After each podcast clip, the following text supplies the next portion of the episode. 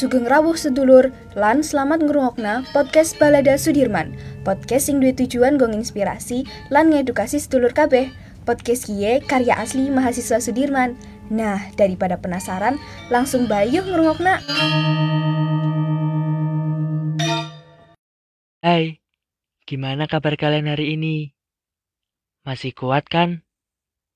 Kalau kalian capek, istirahat dulu ya. Aku bangga banget sama kalian. Karena kalian udah bisa sampai sejauh ini. Semangat! Banyak orang yang mendukungmu dari belakang. Sebelum mendengarkan podcast ini, kami sudah menyiapkan sebuah lagu yang cocok untuk pembahasan kita kali ini. Selamat mendengarkan. Gue kece dari lahir Ya beginilah udah takdir Sekali gagi langsung bukan sihir Jadi, pembahasan kita kali ini tentang generasi Z, bukan generasi micin teman-teman. Aku tim pro aja deh dalam pembahasan kita kali ini. mau di media sosial ataupun bukan, kata generasi micin dan generasi Z itu udah populer banget ya. Iya nih, banyak banget netizen yang suka ngatain generasi micin anak-anak yang lahir tahun 2000-an. Tapi, gak semua generasi Z bisa dikatakan generasi micin. Kalian tahu nggak sih yang dimaksud dari generasi micin dan generasi Z sendiri? Generasi micin itu ditunjukkan sama ABG yang kelakuannya itu aneh dan gak masuk logika. Gampangnya sih generasi micin itu anak-anak remaja yang tingkahnya itu konyol abis. Jadi dia itu kalau mau ngelakuin apa-apa itu nggak pakai mikir dulu. Dan mereka bertingkah kayak gitu karena kebanyakan makan MSG. Karena yang dipercayai sama masyarakat, kalau kita banyak mengkonsumsi MSG atau micin, itu dapat merusak kecerdasan otak kita. Nah, karena otaknya udah rusak, makanya tingkat generasi ini tuh biasanya di luar nalar manusia. Duh, aneh banget deh pokoknya.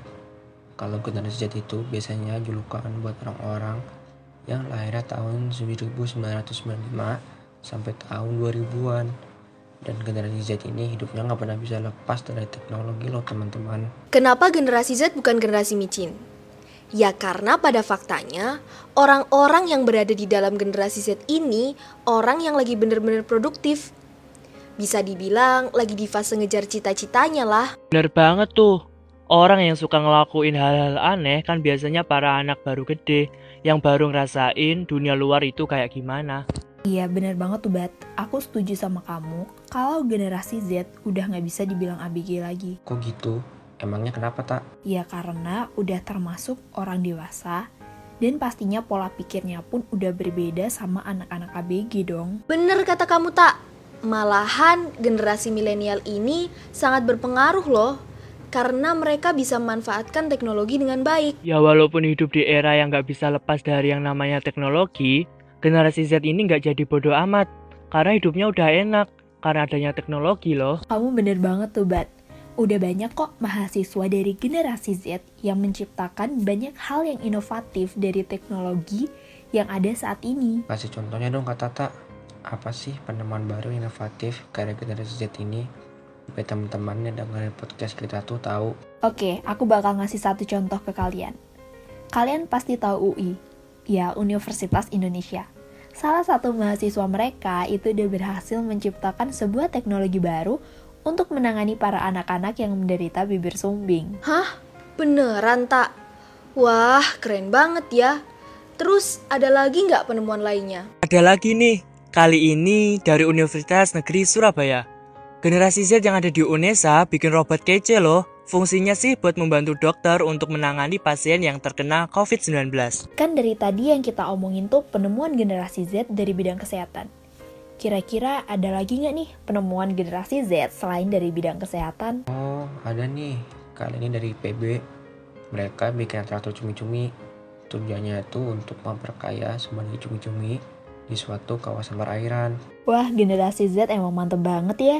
Ini tuh hanyalah sebagian kecil dari bukti kalau generasi Z ini bukan generasi micin. Iya, bener banget. Ya walaupun sedikitnya ada generasi Z yang masuk ke dalam kategori generasi micin, tapi bukan berarti seluruh generasi Z bisa dicap sebagai generasi micin dong. Betul banget, Bat.